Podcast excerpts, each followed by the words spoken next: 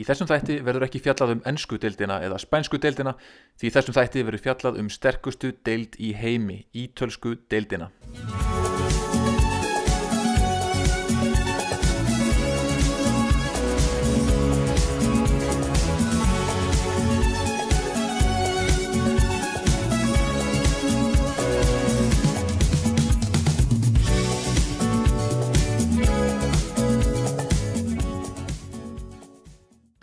Ég heiti Björn Ólásson og þið eru að hlusta á Ítalska boltan sem fjallar aðeins um það besta en það hefur Ítalska deildin nú verið valinn sterkasta deild í heimi af hennum virtu samtökum EFFHS International Foot Federation of Football History and Statistics. Ítalska deildin var síðast valinn sterkust árið 2006 og er þetta auðvitað vitninsbyrur um allt það sem við séð við sem hlustum á þannig þátt. Deildin er sterk, skemmtileg og uppfull af tilfinningum til það sem nágrannarslægir skipta máli leikmenn verða reyðir þegar þið tapa og gladir þegar þið vinna sem er náttúrulega það sem að fótbólti snýst um. En uh, Ítalska deildin er nú rétt rúmlega hálnuð uh, og ætla ég að því tilöfni að verðum svolítið öðru sér þátt í dag. Fyrst ætla ég að fara hratt yfir leiki helgarinnar fer svo ennþá hraðar yfir Íslandingarna því þeir áttu ekkit sérstaklega stort hlutverk um liðna helgi. Og síðan fer ég yfir uppgjör þar sem ég ætla að gera upp fyrir helmi tímabilsins, toppbarátuna, miðjumóðið og botbarátuna og enda sí, því að því sem allir hafa beðið eftir að velja lið fyrir umferðar serie A. Og þessi þáttur er sem fyrr í bóði Origo, upplýsingartekni Risans Origo. Og innan um veirur, tölvuveirur og nú síðast tölvu árásir farðu þá inn á origo.is og fáðu öryggismat fyrir þitt fyrirtæki til að mæta þeim ógnum sem ferast í nútíma tekni umhverfi og ef þú ert eins og ég og getur ekki valið á milli Crotone Benevento og Sassuolo Parma á sunnundasmótnum heldur vilt horfa á fleiri leiki einu í Ídarskaboltanum kíktu þá á netverslun origo.is þar sem þú fær allt sem þú þart fyrir Ídarskaboltan skjái, spjaltölfur og fleira. En við skulum byrja því að renna yfir leiki helgarinnar. Umferðin hófst á förstaskvöldi með stórfyrðurum leik Torino og Fiorentina.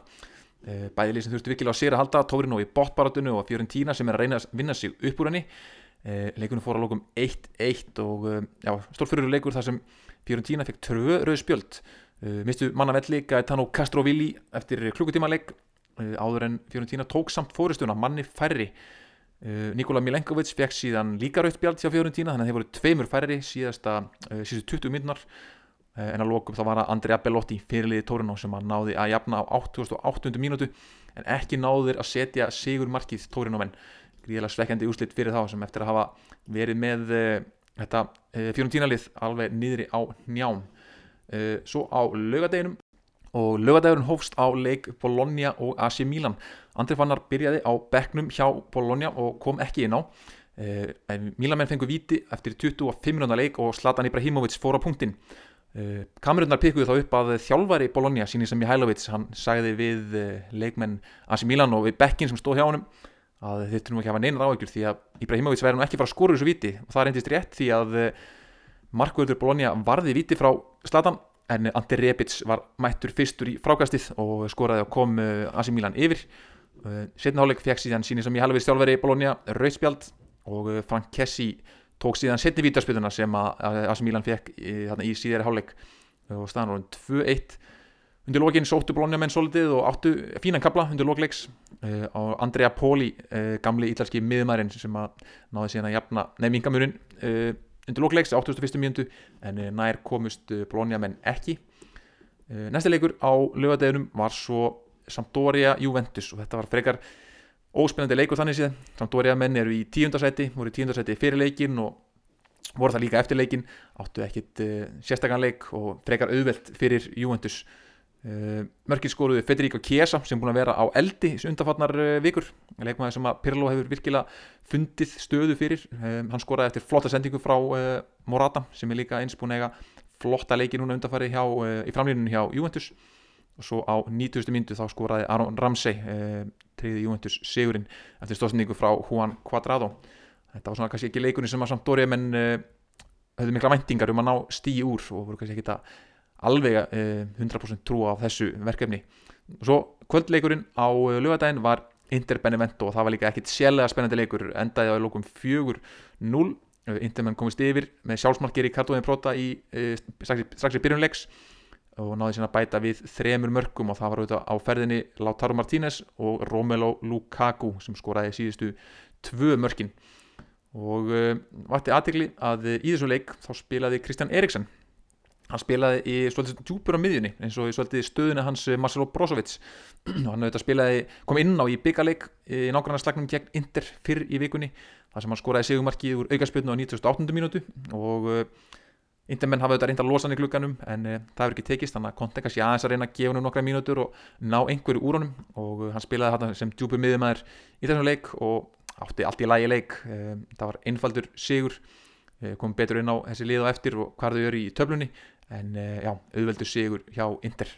Á sunnudaginum þá áttu, áttust Spezia og Udinese við í hátæðisleiknum og það var Udinese sem fann sterkan út í sigur 1-0 komist yfir áður en þeirra stjórnuleikmaður Rodrigo de Paul fekk rautspjald og manni fleiri held maður að Spezia myndi ná að klóra í bakkan og, og ná að jafna leikin en það gerist ekki, heldur fekk Spezia líka líka rautspjald Ricardo Saponara, nýrleikmaður Spezia fekk tvö snögg gulspjald og þar með rann þeirra tækifæri til að ná stíð út um þessu leik út í sandin síðan mættust Crotone og Genoa alvöru fallbartuslægur þar sem að Crotone er enn á botninum eftir 3-0 tap gegn Genoa.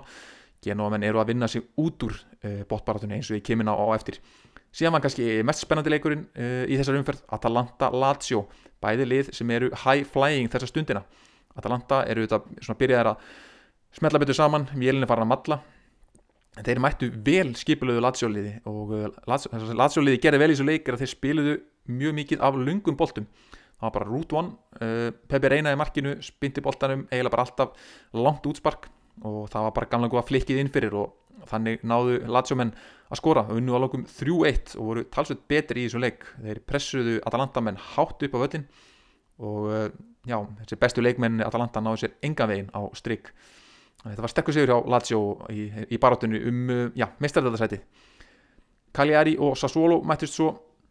Eh, Cagliari komst yfir en eh, Sassuolo menn jöfnuðu á 92. Eh, mínútu. Gríðala svekkjandi fyrir Cagliari liði sem hefur verið brasi undanfarið hafa verið brasi við að ná í stig. Þeir virtust verið að sigla þessu höfn en Sassuolo menn ólsegir náðu að jafna á loka mínútunni Napoli mætti svo Parma og vann ja, sigur sem að flesti byggust við 2-0 frekar einfaldur sigur.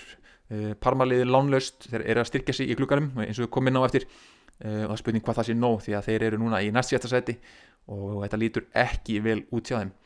Nú, síðasta leikur umfyririnnar var svo Róma Hellas Verona. Rómamenn höfðu harma hefna eftir að hafa tapað fyrirleik liðana um, með einn á skrippborði ítalska knastmyndisammatis þeim verður þetta dæmt 3-0 tap eftir að hafa notað ólöflegan leikmann en uh, þetta skipti þá voru það Rómverja sem ætluða, ætluða hefna fyrir þetta fyrirleik og voru komin í 3-0 með þremi mörgum á, á tíu minna kabla í fyrirháleik og þá var leikurinn bara búinn. Hellas Vrónamenn á að klóra í bakkan í setniháleikum með einu marki en eh, leikurinn var aldrei spennandi eftir hennar þessar eh, rosalega fyrsta hóltíma hjá Róma liðinu. Og þá skulum við kíkja aðeins á Íslendingana á Ítali og það eru heldur betur að berast fréttir þessa dagana vegna þess að Óliver Steinar Guðmundsson er gengið til liðs við Atalanta. Atalanta með þessa stórkurslegu akademíu sína hefur verið að búa til leikmenn hægri vinstri spila flottan fókbalta 16 ára miðjumæðurinn Oliver Steinar eh, sem kemur frá Haugum hann er búin að skrifa undir 30 ára samning við Atalanta. Hann hefur, eh, segjað fréttina fókbaltibúðunett farið tvísvar á reynslu til Atalanta á undanfóttum mánuðum og hefur hrifið þjálfara þar þannig að hann er auðvitað spenntur að komast þanga og gaman að sjá eh, fleiri unga leikmenn bætast við og síðan er Jakob Frans Pálsson ungur þossari fættur 2003 hann er líka gengið til liðs við Venezia þar sem hann mætir fyrir auðvitað Bjarka Stein og, og Óttar Magnús Karlsson. Hann eh, feysir satt eh, já, á láni til Venezia sem er síðan með forgjóðsrétt á honum. 2003 model, 18 ára gammal og hefur leikið sem bakverður í þeim leikjum sem hann hefur leikið með mistarlokkið Þós um, okkar íslendingar í Venezia þeir áttur endur ekki góða helgi þar sem þeir voru hvorur í hóp þegar liði mætti Vicenza uh, og tapaði 2-1 uh, ég veit ekki alveg af hverju þeir voru ekki í hóp ég fann ekki alveg yksingar um það. Nei fyrir ekki, leikunum fór 0-0 í aftefli ásaki um, Holbert Fríhansson og Birki Bjarnason hjá Brescia. Uh, Birki Bjarnason er mittur á kálva ég veit ekki hversu alvarlegt það er en það hefur, hefur alltaf verið hann hefur verið frá núna í einhverja daga. Holbert kom inn á í leiknum gegn Ascoli sem tapaðist 2-1 spilaði síðustu 10 minúnar korter. Og já, fekk guldspjald, skoraði ekki. Hann hefur fengið guldspjald í báðum leikjónum sem hann hefur komið inn á í hann, ja, það er, einhver, það er bara átt að í honum og gaman að sjá það. Og vonandi að hann fóði áfram tækifæri hjá Brescia. Um, Gunni Átondóttir spilaði ekki með kvennaliði Napoli vegna þess að ég held að það veri hinulega verið byggar helgi hjá uh, stelpunum. En á næst, næsta sunnudag þá mætir hún liði Fiorentina sem er stertlið í kvennaboltanum á Ítalíu. Emil Hallfræðsson hann spilaði síðasta hálftíman í uh, jafntefli sinna manna gegn Alma Juventus Fano í serju B er, serju C riðli B. Padova er sem stendur í fjórasæti í sinu riðli en eiga leik til góða. Hann hefði getað komist upp við hlið Sútiról sem að verður mér efstasætið í B riðli C deildar. Þetta voru Íslandingandir og uh, þá skulum við fara í það sem allir hafa beðið eftir uppgjör fyrstu umferðar uh, ítölsku deildarinnar. Í uppgjörunum mínu þá ætla ég að skipta deildinu upp í þrjá hópa og ég ætla að nota sömu skiptingu og Dante notar í uh, hinnum guðdómlega gleðileg sínum. Það er Himnaríki Paradiso, það er Hreinsununeldurinn á milli, Purgatorio og Inferno eða helviti sjálft og við ætlum að byrja á botnurum í helvitinu þar sem að ég er með liðin sem er í fallbaratunni sem er þá 12. seti og niðrúr og við ætlum að byrja neðst hjá Crotone sem eru rock bottom 12 stig afar ólíklegi til að halda sér uppi. Þeir eru nýbúinir að styrkja sig með sóknamanni eh, gammal reyfur sem heitir Samuel Di Carmine sem að gammal reyfur sem að var eins og ungur efnulegur átt að springa út og verða frábær uh, sóknamæður var það hins vegar aldrei. Uh, hann er nú að gengi til ís við Crotone sem hefði samt að mínum að þið frekar hægt að styrkja sig með varnamanni því að vörnið þeirra hefur verið vandamál. Stjórnuleikmaður Crotone leikmaður sem hefur verið langbæsti leikmaður liðsins á eh, fyrirhelming uh, uh, fyrirhelming tímabilsins er braslíumaður sem heitir Junior Messias og þetta er mjög áhugaveru leikmaður. Þannig að það fara yfir hans feril þess að hann er með já, mjög óhefbundin knaspundu feril hann er brassi fættur 1991 í Belo Horizonte eða Belo Horizonte svo brassarnir segja. Junior Messias spilaði ekki tilstaklega mikinn 18. bolta í Brasilíu þetta fluttist 21 ást til Ítalíu til þess að vinna. Fluttist inn á bróðu sinn sem bjó í Tórinu og var að vinna sem sendill fyrir eitthvað fyrirtæki þar og vann þar í nokkur ár. Byrjaði síðan 2015 eh, eh, að spila í neðri deildum sko langt, langt niður í neðri deildunum á Ítalíu áður en eh, gammal leikmaður Torino Ezio Rossi uh, uppgöttaðan og sænaðan fyrir serju D-klubin Cascale. Síðan held hann áfram til uh, félag sem heitir Gozzano sem komst upp í serju C og þetta var árið 2017 þarna var hann orðin 26 ára gammal 2018 spilaði hann sem fyrsta leik í serju C og skoraði það fyrsta markið. Í janúar 2019 var hann svo keftu til Crotone sem var í B-dildinni þannig að hann spilir já, einu hálfa ári eða tveimur ári síðan. Og ágúst 2019 spilaði hann fyrsta leikið sinn með Crotone í B-dildinni þar sem hann eh, skora síðan 6 mörg í 30 leikjum og hjálpa liðinu upp í efstu dild þar sem hann er núni ár búin að skora 6 mörg í dild þetta er magnað fyrir náunga sem að eh, já, spilaði ekkit, hefur ekki spilað aðdurum hann að fótbolta fyrir hann var 27-8 ára gamal frábæð leikmaður, líkilmaður í Crotone liðinu svona sprækur braslíumaður út á kanti sem er líka með end product svo auðvitað mjög marga aðra brasilíumenn. Og þetta er, eh, já, þetta er líkillin ef þeir alltaf einhvern minsta möguleika að halda sér uppi sem ég held að gera, gera nú ekki e, þá verður þessi leikmaður Junior Messias að eiga stórkostlegt tímabill e, 19. seti þar eru við með Parma og það er allt á afturfóturum hjá Parma kannski ekki í stjórninni, þeir eru konið með þennan nýja bandarækjaman sem að kipti félagið Hjælt kannski að hann væri að kaupa aðeins sterkara félag en það hefur ekkert gengið upp hjá þeim og nú er þeir að reyna að styrkja liðið til að bjarga liðinu frá falli að þeir eru bara komin í fallseti og ekkert sem bendir til þess að þeir séu að fara að losna þaðan. Þeir ákveð þjálfvara sinn og tóku inn Roberto Daversa sem að þeir þekkja gríðalega vel en uh, gengiliðsins hefur ekki batnað sérstaklega mikið. Þeir eru núna nýbúinir að kaupa uh, Joshua Sirksi sem er hollendingur sem þeir kaupa frá Bayern München. Uh, spilaði í Bayern München tóluleiki og skoraði fjögur mörg held ég uh, fyrir bæmun hérna á tveimur á þreymur árum. Og hann uh, mjög einastum vel í sóknarleiknum því að það er miðja á sókn sem að þið þurfa að styrkja af mínu mati. Skorti mikið þar. Síðan hafaði fengið til sín uh, leikmann sem heitir Dennis Mann frá FC Stáa Búkarest eða liði heitir reyndar FC, FCSB fútbólklöpp FCSB sem er mjög fyndið að heita tvöfald FC en uh, hann kom að 6,5 miljón evra sem er þó nokkur uppæð þannig að hann uh, þeirra vantilega einhverjar væntingar til hans sem eru konum með uh, gammalrenda miðvörðin Mattia Bani frá Genoa ég veit ekki hversu mikil gæði hann kemur með en allan að reynsla í honum. Og svo kannski svona skemmtilegast leikmaðurinn Andrea Conti bakvörðurinn sem að náði sér aldrei á stryk hjá AC Milan en er frábær sóknar bakurur þeir þurfa að snúa gengi liðsins við og þeir þurfa að gera strax og byrja að sækja stygg því að eh, liðin í kringum þau eru líka færðin að styrkja sig þannig að þetta verður algjör botnleðju slagur eh, á komandi mánuðum fyrir Parma. Ef við nefnum svona besta leikmannin hinga til á tíanbylunu þá langar með að segja að það sé Kuczka miðumæðurinn auðvitað með fortíð í AC Milan eh, en er samt svona já, aðalega stór og sterkur góður skallamæður og er með, það þarf ekki að byggja hann tviðsverð um að taka langskott ef að svopur undir. Hann er búin að vera kannski svona skýtsæmilegasti leikmaður Parma á tímabilinu.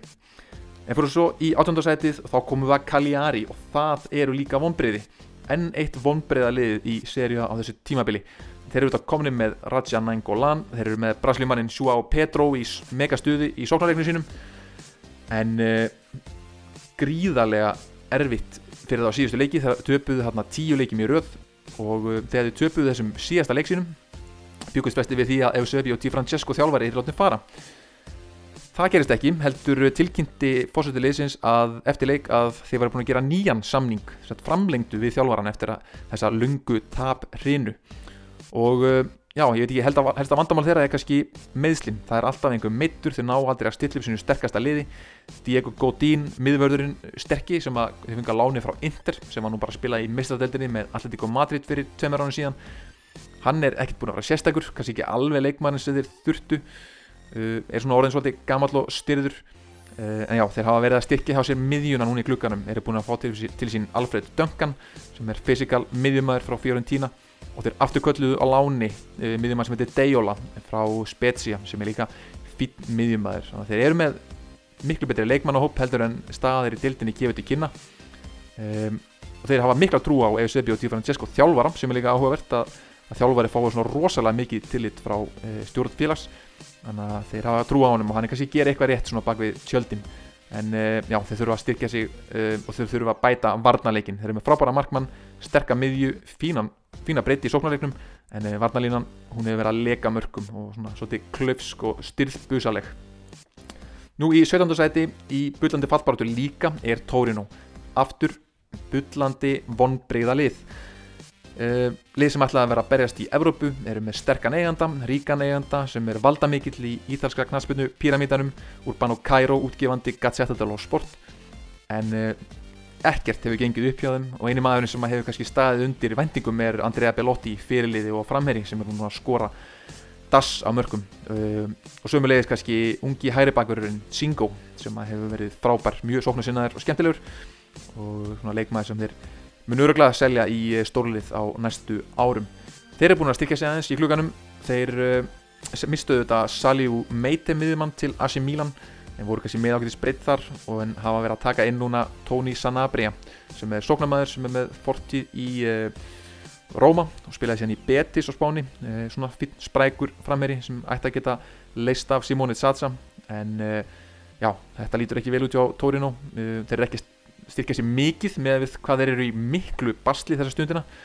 En uh, eru konið með nýja þjálfara Davide Nicola sem er sérfræðingur í að halda liðum uppi og hann kemur inn með sitt 4-4-2 og berjast leikjærfi og þá ættu þér að vera með nægileg gæði til að snúa þessu við þannig að eins og segi það eru mörglið í bótbaratunni sem eigi ekki að vera þar mörglið að styrkja sig þannig að ég held ekki getur líka fengið að sjá miklar sviftingar svona á komandi vikum og lið sem eru fljóta fara úr fallseti og jafnvel upp í upp í 13. og 14. seti Nú í 16. seti núna höfum við Spezia þetta gamla íslendingalið Þar eru líka miklar eh, fréttir þessa stundina vegna þess að eigandiliðsins sem heitir Volpi sem er einn ríkasti eigandin í deildinni hann er að selja liðið og uh, samstepan sem er að kaupa liðið er engin önnar en uh, tæknir í sin Dell sem framleiði Dell tölvutar stopnað af Michael Dell á sínum tíma. Kaupin virðast bara að vera að gangi gegn. Það er áræðanleika könunin due diligence könnunum er eh, búinn, skilst mér þannig að eh, já, það er bara tímaspjósmál hvenar það verður tilkynnt um þessa nýju eigendur. Og mér telst á til að þetta séu 50 eða 70 bandarísku eigendurnir í deildinni. Róma er auðvitað með bandaríska eigendur Bologna, Parma, Fiorentina og núna Spezia. Og síðan voru bandaríkjumenn líka að kaupa lið í ítalsku sétildinni Catania sem er þekkt lið fyrir okkur sem fylgjast með serju A. Þeir voru þetta þar uppi fyrir nokkrum árum síðan. Þannig að þetta er áhvert að sjá hvað bandaræk, bandarækjumenn er að sækja í serju A og þetta eru auðvitað ætti að vera til þessa að gera deildina samgefnishæðveri og fá inn fest fjármagn og fá inn fólk með nýjar hugmyndir. Það eru ekkert allir á Ítalíu mjög hrifnir af þessum þessari Ameríku væðingu ítalska boltans en svona held yfir þá held ég að þetta sé það sem þarf til. Spetsið að þetta konu með nýja völl um, eru með frábæran þjálfara og þáttur að leik, leikmannahópuru þeirra sé ekkert sérstaklega sterkur eins og ég hef oft komið inn á þá gætu þeir alveg haldið sér uppi og þeir eru með eh, já, svona skemmtilegt lið og uh, þjálfara sem að lætur liði spila á sínum styrkleikum þannig að þeir eru í 16. seti eins og er en uh, eins og segi, liðin fyrir neðan eru sterkari á papír þannig að þetta verður mjög erfitt fyrir Spezia núna á komandi mánuðum og ég eiginlega því miður verða spá því að þeir muni enda í fallseti þegar tímabilið klárast og við teljum stígin upp úr pókanum nú í 15. seti núna er Bologna. Og þetta er svolítið sérstakt tímabil hjá Bologna þessa stundina. Þetta er svona ekki alveg í hörðustu fallbarátunni en eh, hafa alls ekki verið að ná sér að stryk heldur. Andrið Fannarauta hefur byrjað leik sem er skemmtilegt fyrir okkur Íslendingana uh, en uh, já, annars hafa þeir ekki ekki verið að skrapa saman mörgum stigum. Uh, núna í glugganum, það er kannski gott fyrir, goða fætti fyrir okkur að þeir voru ekki að bæta vísinninum miðjumanni þannig að samkeppnisstað Andrið Fannars er svipuð og var. Hafa aðeins verið að stikja sig með einhverjum bakvörðum og miðverði. Sumaru frá Lill uh, leikmann sem fekk á sig mjög auðlulegt viti á móti AC Milan um helgina. En já, Bologna eiga að gera betur en ég heldur eftir nú ekki að sóa snýrinina fallbaróttu kannski svona að mínum að þetta er skemmtilegast leikmaðurinn í liðinu sem er mjög hrifin af það er Jeremy Schouten hollenskur miðjumæður og ef ég heyrði rétt í lýsingunum minni uh, þegar ég var að horfa á leikið þeirra á móti AC Milan um helgina þá er hollenski landslýstjálfarinn aðeins farin að skoða hann. Jeremy uh, Jetty Skjáten miðjumæður, mjög sprækur strákur skemmtilegt að fylgjast með honum. Nú uh, lið sem var í fallbarátu í byrjun tímabils og ekkert leitt út fyrir að geta bjargaði það er heldur betur komið upp úr er eitt stórt parti í Genoa þessa stundina vegna þess að ráðningin á Davide Hitman Ballardini sem ætti með sólglerugun sín og derhúuna í fjóruðaskipti sem þjálfari Genoa þetta hlýtur að vera ráðning ásins Eftir að Ballardini tók við þá er liðið búin að vinna fjóra leiki gera tvö hjartefli og aðeins eitt tap og með markatöluna 10-4 og liðið búið að halda hreinum í síðustu fjórum leikjum þeir eru búin að laga fjármálinn sín með því að selja leikmentu Juventus og fá það á lánaða tilbaka sem að þetta einhvern veginn með einhverjum bókarsprellum búið að bjarga fjárhagnum allavega í byli þeir eru búin að kaupa Kevin Strootman frá eh, Marseille í Fraklandi sem hefur komið inn frábælega þessi er búin að vera eitt besti leikmæður síðustu tveggja umferða. Og það sem kannski mestumáli skiptir hann er búin að trekja í gang Mattia Destro, framherjan Mattia Destro sem var eitt efnilegasti framherji sem Ítalið hafi séð hérna fyrir nokkrum árum síðan kom upp, spilaði fyrir lið eins og eh, Genoa, Siena áður hann að fekk múfið til Róma þar sem hann spilaði nokkur ár og átti fín tímabill uh, áður hann að fóra hallunda fæti og hann mittist fór til uh, Bologna var lánaði til AC Milan, láði sér ekki á stryk þar og lánið var cancelað eftir bara 6 mánuði fór svo aftur til Genoa byrjaði tímabilið ömulega fekk svo COVID og spilaði ekki aftur fyrir í desember þegar Balladini kom inn aftur sem þjálfari. Og í síðustu átta leikjum er hann komið með átta mörg var enginn búin að skora fleiri mörg frá því í byrjun desember. Þannig að mjög gaman að sjá Mattia Destro eiga hennar, þetta nýja vor í lífið sínu. Og uh, ég sá að Nicky Bandini sem skrifar á The Guardian hún talar um að hann geti verið nýr Toto Skilazzi með ítalska landsliðinu í sumar Já, það er ekkit ólíklegt að hann fái tækifærið á EM núna í sumar með ítalska landsliðinu. Hann skoraði gegn Crotone í síðasta leik og fagnaði með Bebeto-fagninu, hann var mæntalega uh, von á badni og uh, lífið leikuð við hann, gaman að sjá, hann er að slá uh, Gianluca Scamacca út úr liðinu sem ég hef talað um og rósaði þessum þetti. Þannig að þetta er gríðilega gaman að sjá Mattia Destro upp á sitt besta, skemmtilegu framherri, svo hann er þetta komið sítt hár líka sem er alltaf jákvæmt fyrir framherja. Nú í sætunum fyrir ofan í 13. sæti eru þau svo með Udinese. Og Udinese er lið sem ég venjulega nenni ekki að eða miklum tími eins og lítið spennandi í gangi þarna. Og uh, þeir verðast verið að gera það sem þeir hafa alltaf gert núna síðust ár. Uh, rétt ná að halda sér uppi með lámarks fyrirhöfn það er ekki spennandi projekt í gangi viss mér.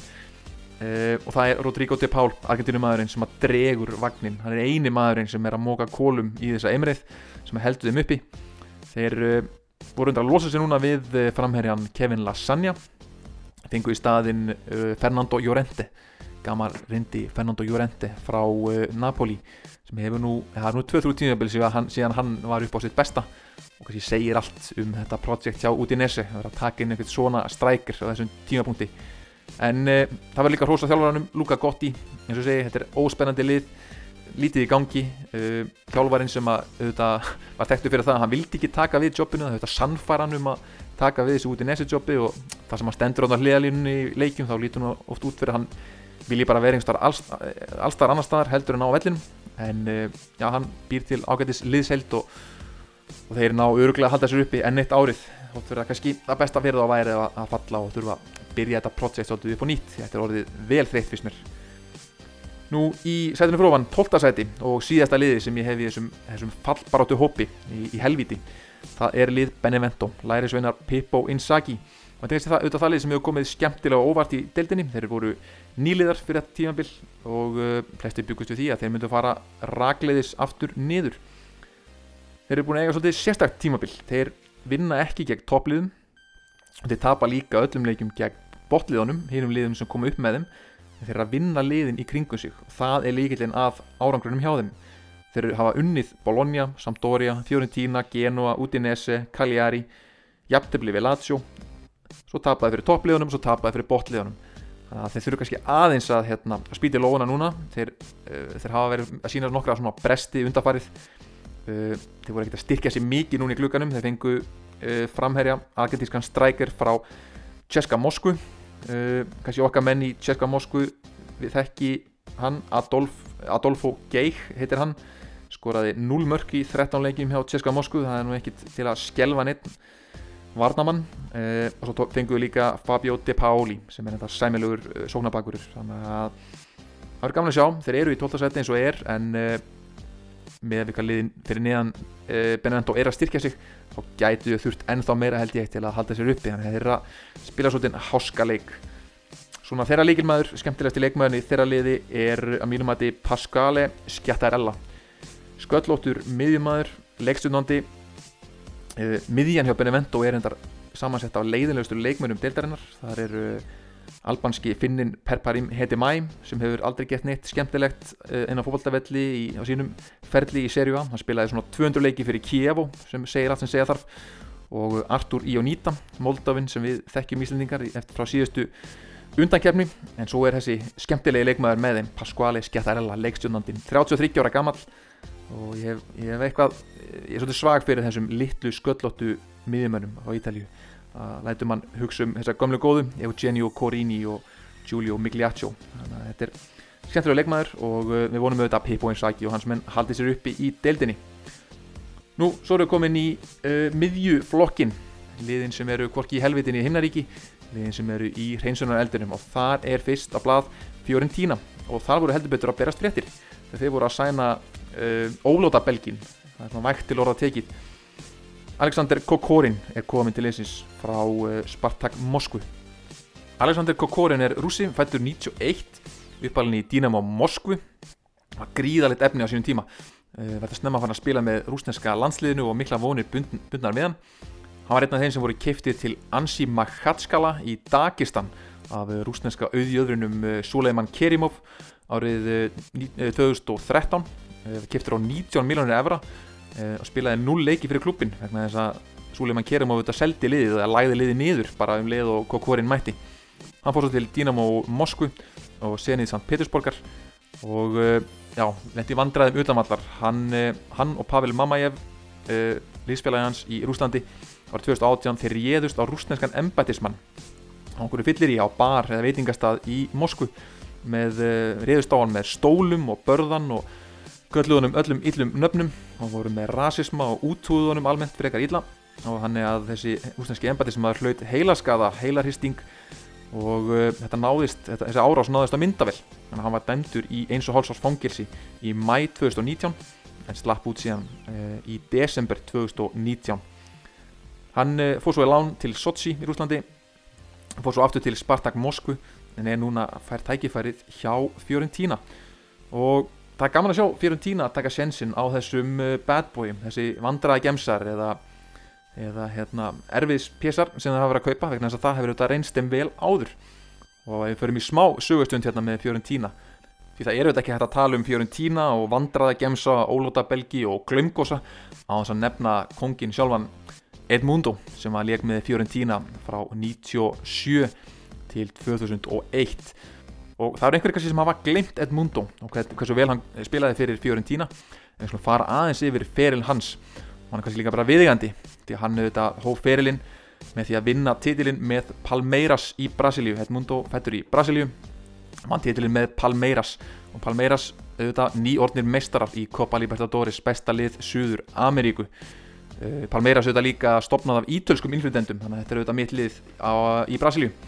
Edmundo hann spilaði með uh, Palmeiras 93 og 94 áður hann var reygin þaðan fór 95 til Flamengo þar sem hann spilaði með Romario.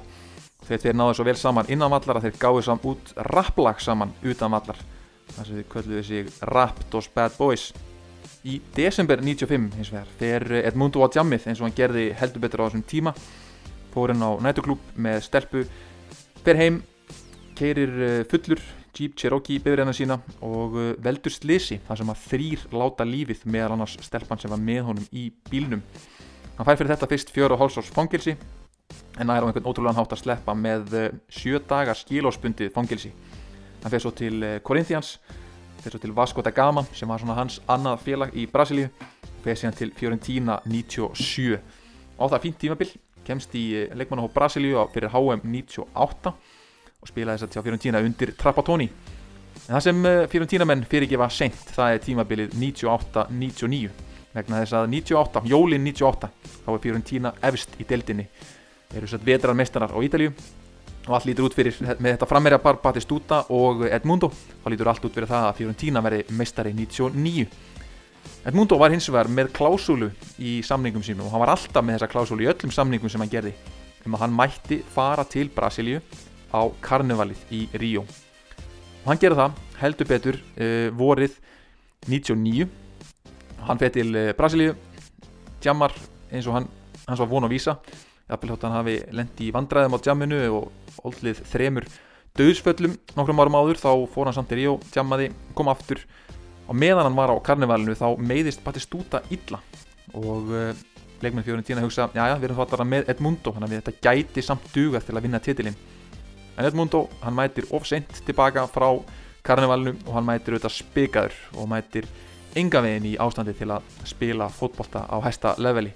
Og endar auðvitað því að Fiorentina vinnur alls ekki titilinn og Edmundo er, var gríðarlega óvinnsall eftir það. Og eftir það tekur við stórfurðulegur ferill þar sem hann fer auðvitað aftur til Vasco da Gama þar sem hann spilar aftur með Romario. En þetta skipti var uh, samband þeirra mjög slæmt uh, og byggði það aðalega á því að Romario alltaf að segja öllum í liðunum að Edmundo hafi ekkert átt að vera í HM hópnum 98 hann sagði öllum í liðinu og Edmundo var brjálaður að þeir fór að slást og rífast og endur hann var að reygin þaðan. Fór til Santos, svo til Napoli á Ítalíu þar sem hann var aftur með karnivalklásulu í sínum samningi. Áður hann fóð svo á flakkum Brasilíu. Cruzeiro, Tokyo í Japan og uh, Vasco da Gama þar sem hann uh, sló út Manchester United á, í heimsmyndstarmóti félagsliða fór svo til Nove Igasu, Figueirense, Palmeiras og enda svo ferilinu þetta í Vasco da Gama hans aðalið í Brasilíu ásand Palmeiras. Þannig að fjórum tínamenn hafa heldur veitur reynslu af uh, vandrækjamsum og verður gaman að sjá hvort að eh, hvort að Kokorin feti hans fótspor og haldi áfram með vandræðinni eða hvort að hann snúi e, lífi sínu við. Plandelli, þjálfari fyrir um tína, hann sagði það auðvitað að hann hafi áður fylst með Kokorin og hafi viljað að fá hann áður og lítur auðvitað bara á þetta sem tækifæri til þess að til þess að styrkja liðið og uh, það verður gaman að fylgjast með honum á Ítalið þetta er frábær leikmar, það gleimist innan um allt rugglið í honum. Annars eru tína menn ekki í fallbaróttu eins og ég er búin að skilgjana þá hér og uh, eru búin að bæta við sig hæri bakverði uh, og eru búin að losa nokkra leikmenn en uh, ég held að mun ekki bet enda betur heldur enn í miðja dild það er ekki sérstaklega mikið í gangi hérna og það er ennþá Frank Ribery sem að stjórnar öllu. Þegar hann á daginn þá vinna þeir eins og sást í síðasta leik þegar þeir náðu jafntefni gegn Tórinó þóttu að væru tveimur færri á tímabili. Frank Ribery skoraði þetta marki í leiknum stórgóðslegt mark. Í tíundarsæti og þá erum við komin á vinstri hlið töflunar Það er Sampdoria í örugu tíunda sæti með Claudio Ranieri við stjórnvölinn og skandinaviska nýlendan með Svíja, Dana og Norman í liðinu. Og það er svo sem lítið um þá að segja. Þeir eh, vinna leikina sem þeir eiga að vinna, tapa hinnum leikjónum og uh, já, bættu við sig Ernesto Torregrossa í klukkanum sem ég kom inn á í síðasta þetti frábær framherri, við erum gaman að sjá. Loksins fá alvöru tækifæri í efstild en uh, þeir munu halda áfram að vera hérna í, á miðsvæðinu. Og, og þeirra besti leikmæður á tíðanbölunum fyrst mér hafa verið Balde Keita.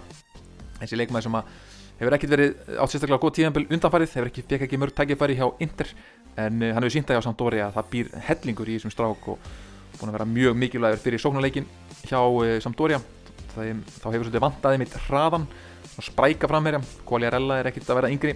Og þá er Baldi Keita fullkominn í það. Nú í nýjöndarsæti, það er lið Hellas Verona. Þetta er lið sem ég líka tala með fallega um. Þeir eru, þetta, ja, eru kannski ennþá í ekkert langt á erðurbærsæti en uh, eftir, eftir mjög góða byrjun á tíumbilinu en eru núna dotnið svolítið niður bara í miðjum móðið. Þau eru farin að tapa fleiri leikum og uh, já, liðir eru farin að kroppa í þeirra bestu leikmenn það verður að orða þeirra bestu, leik, bestu leikmenn við alls konar lið, markverðurinn uh, Marco Silvestri hann fer rúglega til tímabilið. Uh, Mattias Sakanji uh, kant miðjumæður, mjög sprækur svona sóknar miðjumæður uh, sem hefur spilað frábælega með þeim á tímabilinu, skorað fallið mörg hann verður líka pottið seldur eftir tímabilið, hann hefur verið mikið orðaði við Napoli sem verið mjög svona típist múf fyrir Napoli að kaupa hann. Er gaman að sjá hann þar Þeir bættu við sig eh, Kevin Lasagna núna í klukkanum sem er auðvitað eldsnöggur framherri en uh, eins og ég, þetta er, ekkit, uh, þetta er ekki leikmenn sem er að fara að koma þeim eitthvað ofar á töfluna sérstaklega eftir að toppliðin eru núna að fara að, gefa í ef eitthvað er. Þannig að þetta var flott byrjun hjá Hellas Verona en nú er þið fattin að staðina og ég held að við verðum áfram hérna í nýjönda setinu sínu. Og að sama áveila við um lið Sassuolo. Lið sem var í topparáttu eftir svona fyrstu 10-15 umferðirnar. En nú er bara raunveruleikin búin að klukka þá. Raunveruleikin er mættur og leikmenn hafa ekki lengur eitthvað að spila fyrir. Það lítur ekkert út fyrir að þeir munu ná Evropasæti uh, Det Serbi þjálfari uh, er orðin pínu hugmyndarsnöður þessi total fókbalti sem hann spilar þetta er svona, það verður fara að sjá fleiri bresti í þessum leik og uh, já, margir leikmenn sem einhvern veginn bara vera svolítið áhuga lausir gerði mjög lítið í glugganum, bætti alveg einhver við sig. Ekki einu svona einhver ungir spennandi leikmenn eða ódýrkaup eins og þeir hafa verið mjög góðir í. Þannig að þetta er svona, það er kannski lítið að frétta á þessa solo í rauninu núna, það er áfram gaman að horfa á að spila fókbalta en uh, engin toppar á það á Sassuolo og þá erum við komin í topparátuna Paradiso eða, það sem við finnum uh, Leisette Sorelle sýsturnar sjö í efstu sjö sætonum og í sjöndasæti þar er Atalanta liði sem að náði meistradöldarsæti í fyrra eru auðvitað komin áfram í meistradöldinni þar sem þeir mæta Real Madrid sem að auðvitað í dag lítur út fyrir að vera frekar yfirstíganleg hindrun í meistardætinni en þeir líka hafa ekkert verið að styrkja sig fyrst mér í glugganum með það að vera í sjönda sæti um, og eiga vandalega einhvern pening. Þeir mistuðu þetta Papu Gómez eftir allt þetta, það yfirriti sem ég hef komið inn á í fyrir þáttum. Mistuðu Amad Diallo til Manchester United þeir hafa aðeins bætt við sig einum bakverði Jóakim Mele, danskur bakverði frá Genk. Um, þeir reyndar eiga hafa voðalega góða reynslu af því að kaupa ódýra bakverði frá Belgíu en um, það bara vantar ekkit bakverð. Þeir eru með tvo frábæra bakverði og uh, Viktor Kovalenko frá Sjaktar sem er einhver sóknar miðjumæður sem ég kannski sem ekki frekar deili á.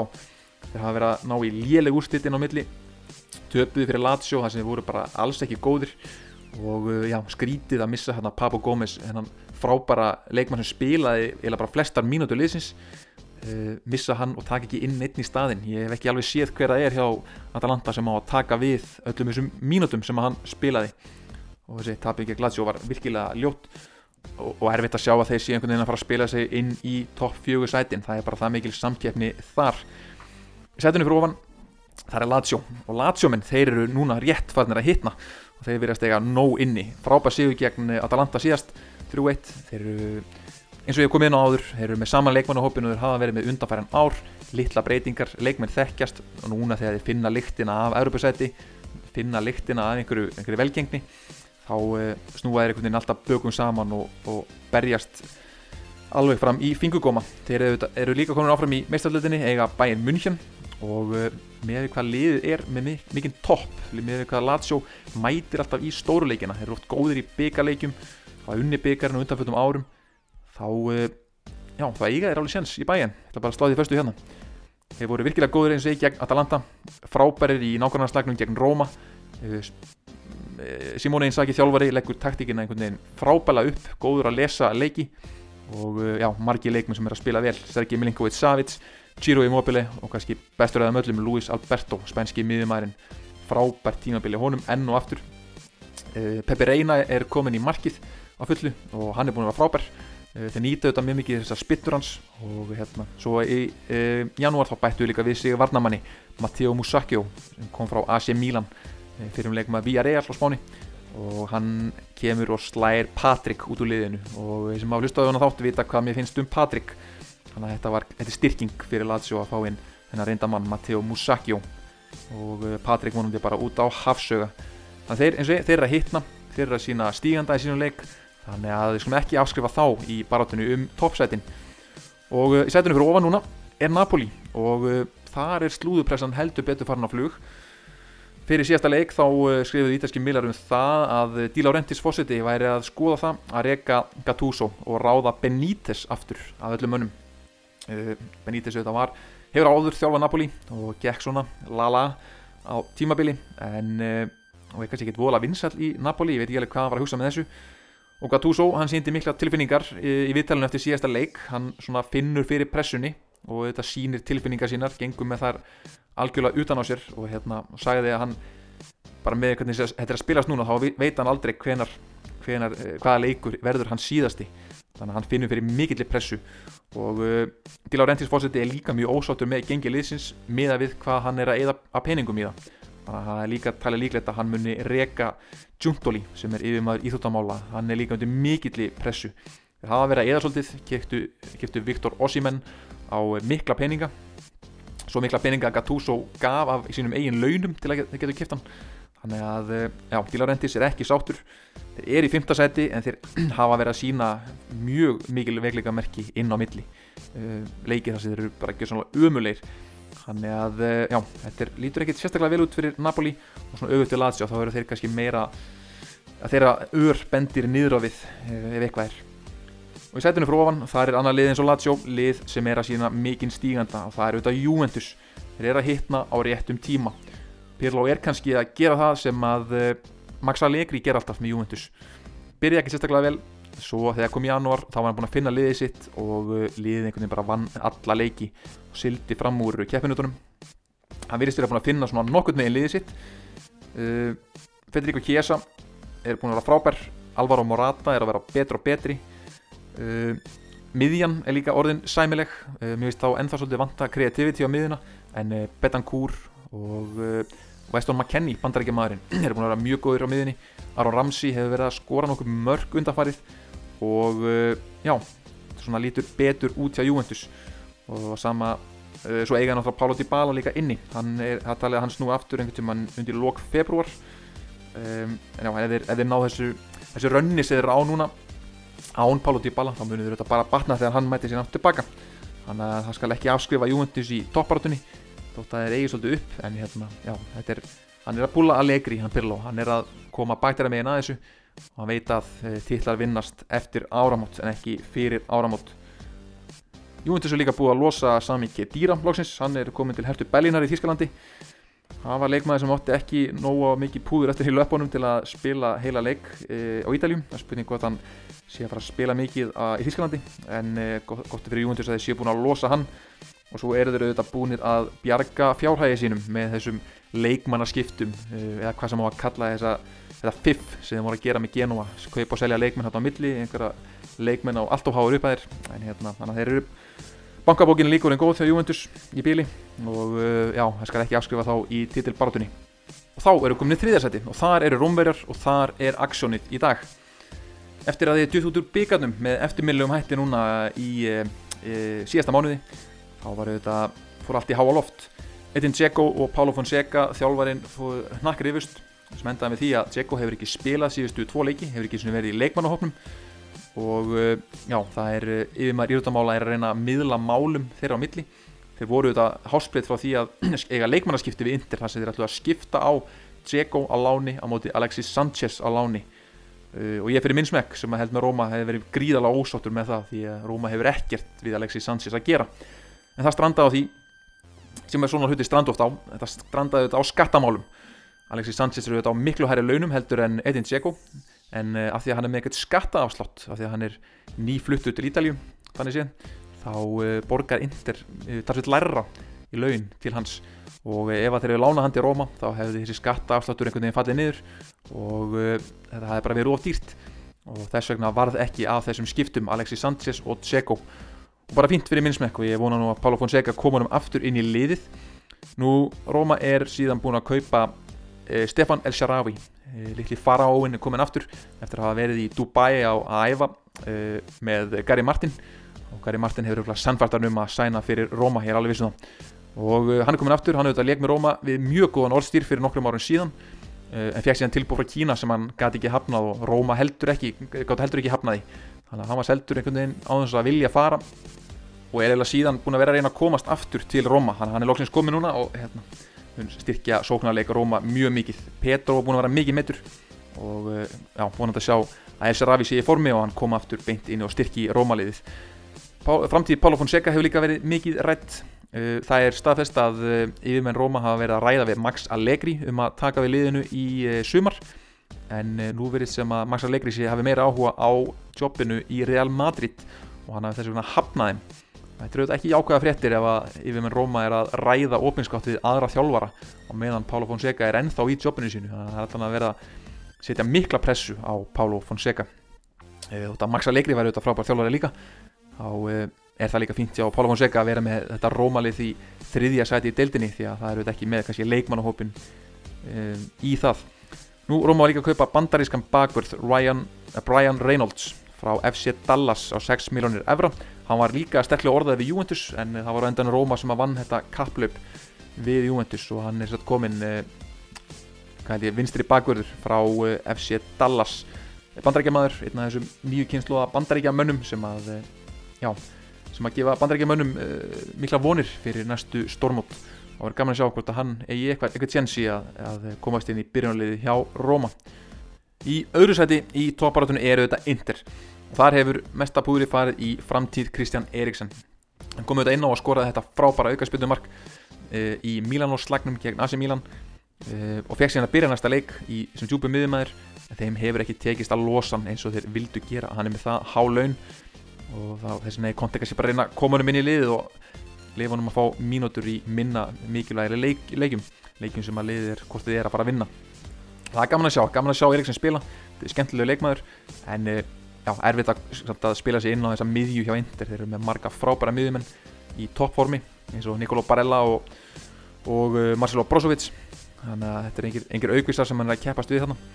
Um, já, en svo var það ekkert aðeins sem skiptum uh, Edin Dzeko og Alexis Sanchez það eru Lukaku og Lautaro Martínez með Alexis Sanchez sem backup sem að eiga að reyna að klára þessan hennan uh, titil fyrir Inter því þeir eru í byllandi sjans og eru kannski núna favorites held ég hjá uh, þeim sem setja stúlana nú þeir hafa ekkert bætt við þessu neitt í klukkanum uh, voru að reyna að losa menn svolítið frekar heldur en að kaupa menn og Konte vil bara hafa sitt lið og sín leikmannahóp og bara þjapa hópnum saman og er ekkert að reyna að hrista upp í honum Nú á tóknum er auðvitað AC Milan og uh, kaupinu AC Milan í klukkanum finnst mér öllu áhugaverðari heldur en önnu lið hafa gert.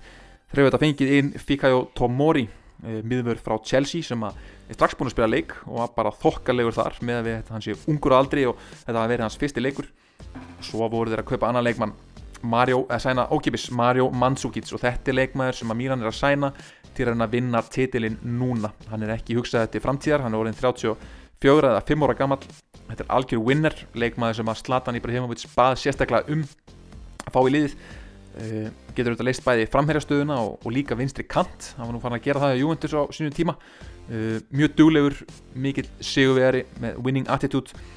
Þetta er einfallega leikmaður sem er, í, er oft í sigur liði. Þannig að þetta er, þetta er mikið statement hjá uh, Paolo Maldini og stjórnunni hjá AC Milan að taka hérna Mario Mandzukic. Það er ekki verið að sæna til framtíðar, það er verið að sæna til að vinna titla núna það er gaman að sjá að leikminn taka þessa sjensa nú eftir þessa fyrstu umferð fyrir umferð í ítalsku deildinni þá er staðan í um markakongstitilinn þannig að Cristiano Ronaldo er efstu með 15 mörg Lukaku í öðru seti með 14 eh, Ciro Immobile 13 Zlatan Ibrahimovic með 12 mörg og hann hefur nú örgulega spilað langfæstu leikin að þeim.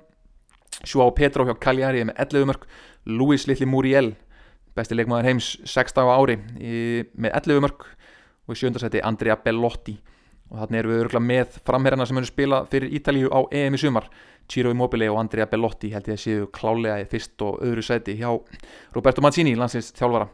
Átnarsæti Lautaro Martínez nýjunda Mattia Destro sem geti líka farið á EM.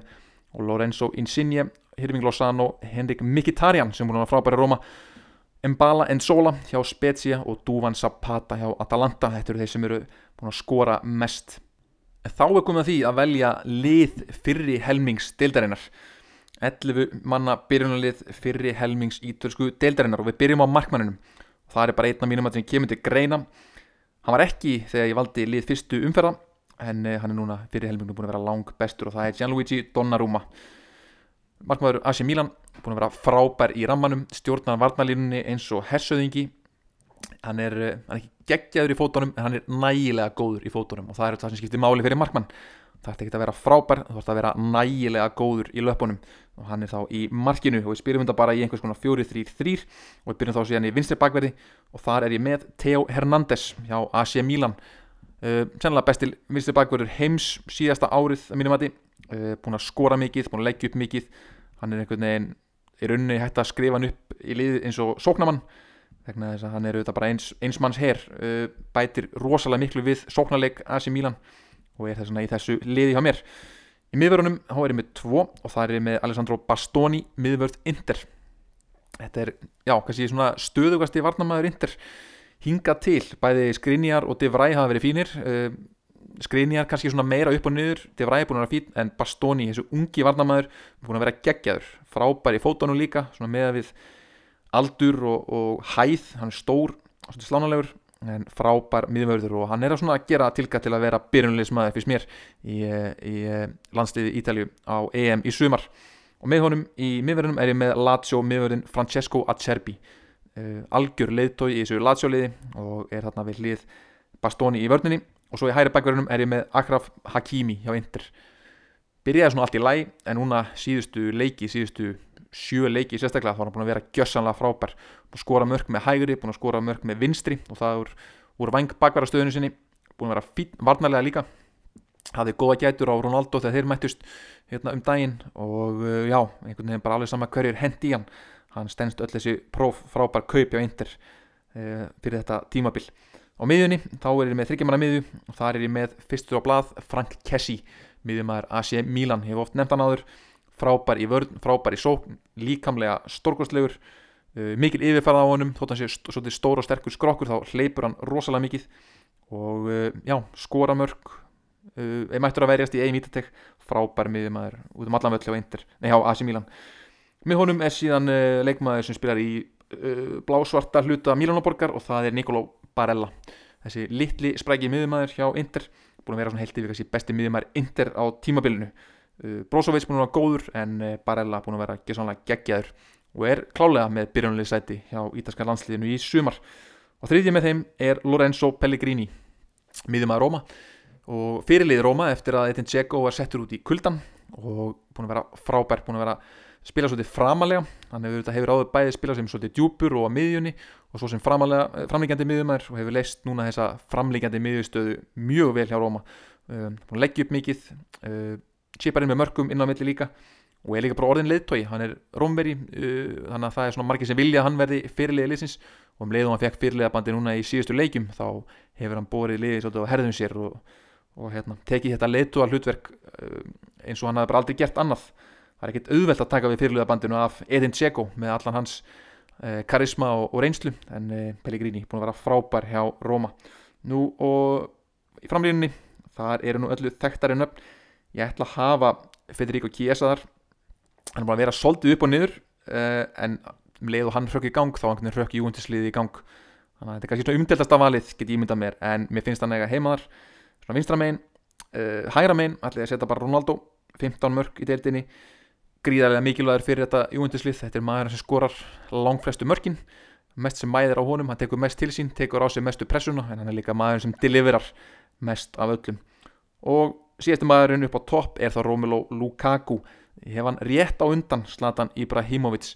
Zlatan þetta búin að spila aðeins minna og síðan eftir þetta þeirra þeirra orðaskipti í síðasta Milano slag um, sem þetta var nú byggalegur en um, þá, þá vil ég meina Lukaku hafi nú haft vinningin slatanleitt reyka sig út af með að Lukaku skoraði og vann leikin fyrir Inter. Þannig ég hef Lukaku hérna við komum, komum með 14 mörki deildinni og uh, leikmaði sem að að allir varnamenn deildarinnar hræðist lang, lang mest. Það er svo nokkrir leikmenn sem ég vil líka gefa svona honorable mention. Aðri markmenn sem hafa verið góðir uh, Marco Silvestri hjá Hellas Verona var svona næstur á blað hjá mér búin að vera frábær. Í vördninni þá eru þetta Davide Calabria hjá AC Milan. Svolítið svona underdog ekki sérstaklega fljótur, ekki stór og sterkur eða sérstaklega í fókbalta en búin að vera frábær með AC Milan. Spila með sjálfstöðstu í botni. Mancini, miðverður Róma De Vrij hjá Inter, Simon Kerr hjá AC Milan búin að vera frábær, Danilo miðverður Juventus, eða varnamæður Juventus búin að vera kannski besti varnamæður Juventus á tíðanbylunu og uh, Federico Di Marco minnst bakurur Hellas Verona líka fylgist með honum, hann fer í eitthvað sterkara lið eftir tímabilið. Og að miðjumönnum þá eru þetta Marcelo Brozovic Eh, Manuel Locatelli hjá eh, Sassuolo búin að vera frábær. Eh, Mattias Saccani hjá Hellas Verona. Ennú aftur Hellas Verona leikmaður að komast á hana lista. Weston McKennie hjá Juventus Jordan Veretout hjá Roma og, og makkerinn hans Gonzalo Villar frábærir. Og svo upp á topp þá má þetta nefna líka Domenico Berardi, Josip Ilicic búin að eiga fína takta inn á milli kannski ekki alveg nóga stöður. Ciro Immobile og Zlatan hefur líka geta gert tilkall til að vera í liðinu. Og þjálfari og þjálfari fyrstu umferðana 1-19 það er Stefano Pioli, þjálfari AC Milan. Hvort það sé raunverulega leiðtóin í uh, eh, búniskleifanum það vitum við ekki, Slatan tekur mikið til sín.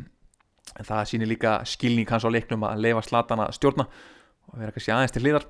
Þannig að Stefano Pioli klálega þjálfari umferða 1-19 á Ítalju svo er enni hrættið við liðið, það er þá Donnarumma í markinu, Hakimi í hægri bakverði Bastoni og Acerbi í miðurunum Theo Hernández í vinstri Frank Kessi, Nicolo Barella og Lorenzo Pellegrini á miðunni og Ronaldo, Lukaku og Chiesa frammi. Nú, þá líkur þessu hjá mér í kvöld. Ég kem aftur með nýjan þátt í næstu viku eftir umferð helgarinnar.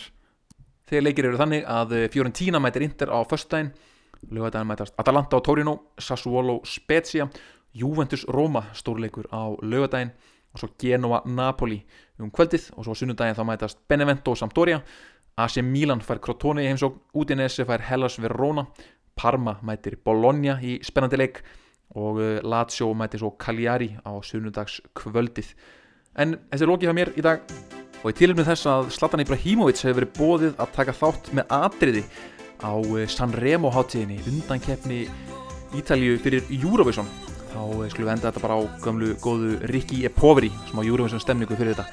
Hérna státtur næstu viku, verið í sæl.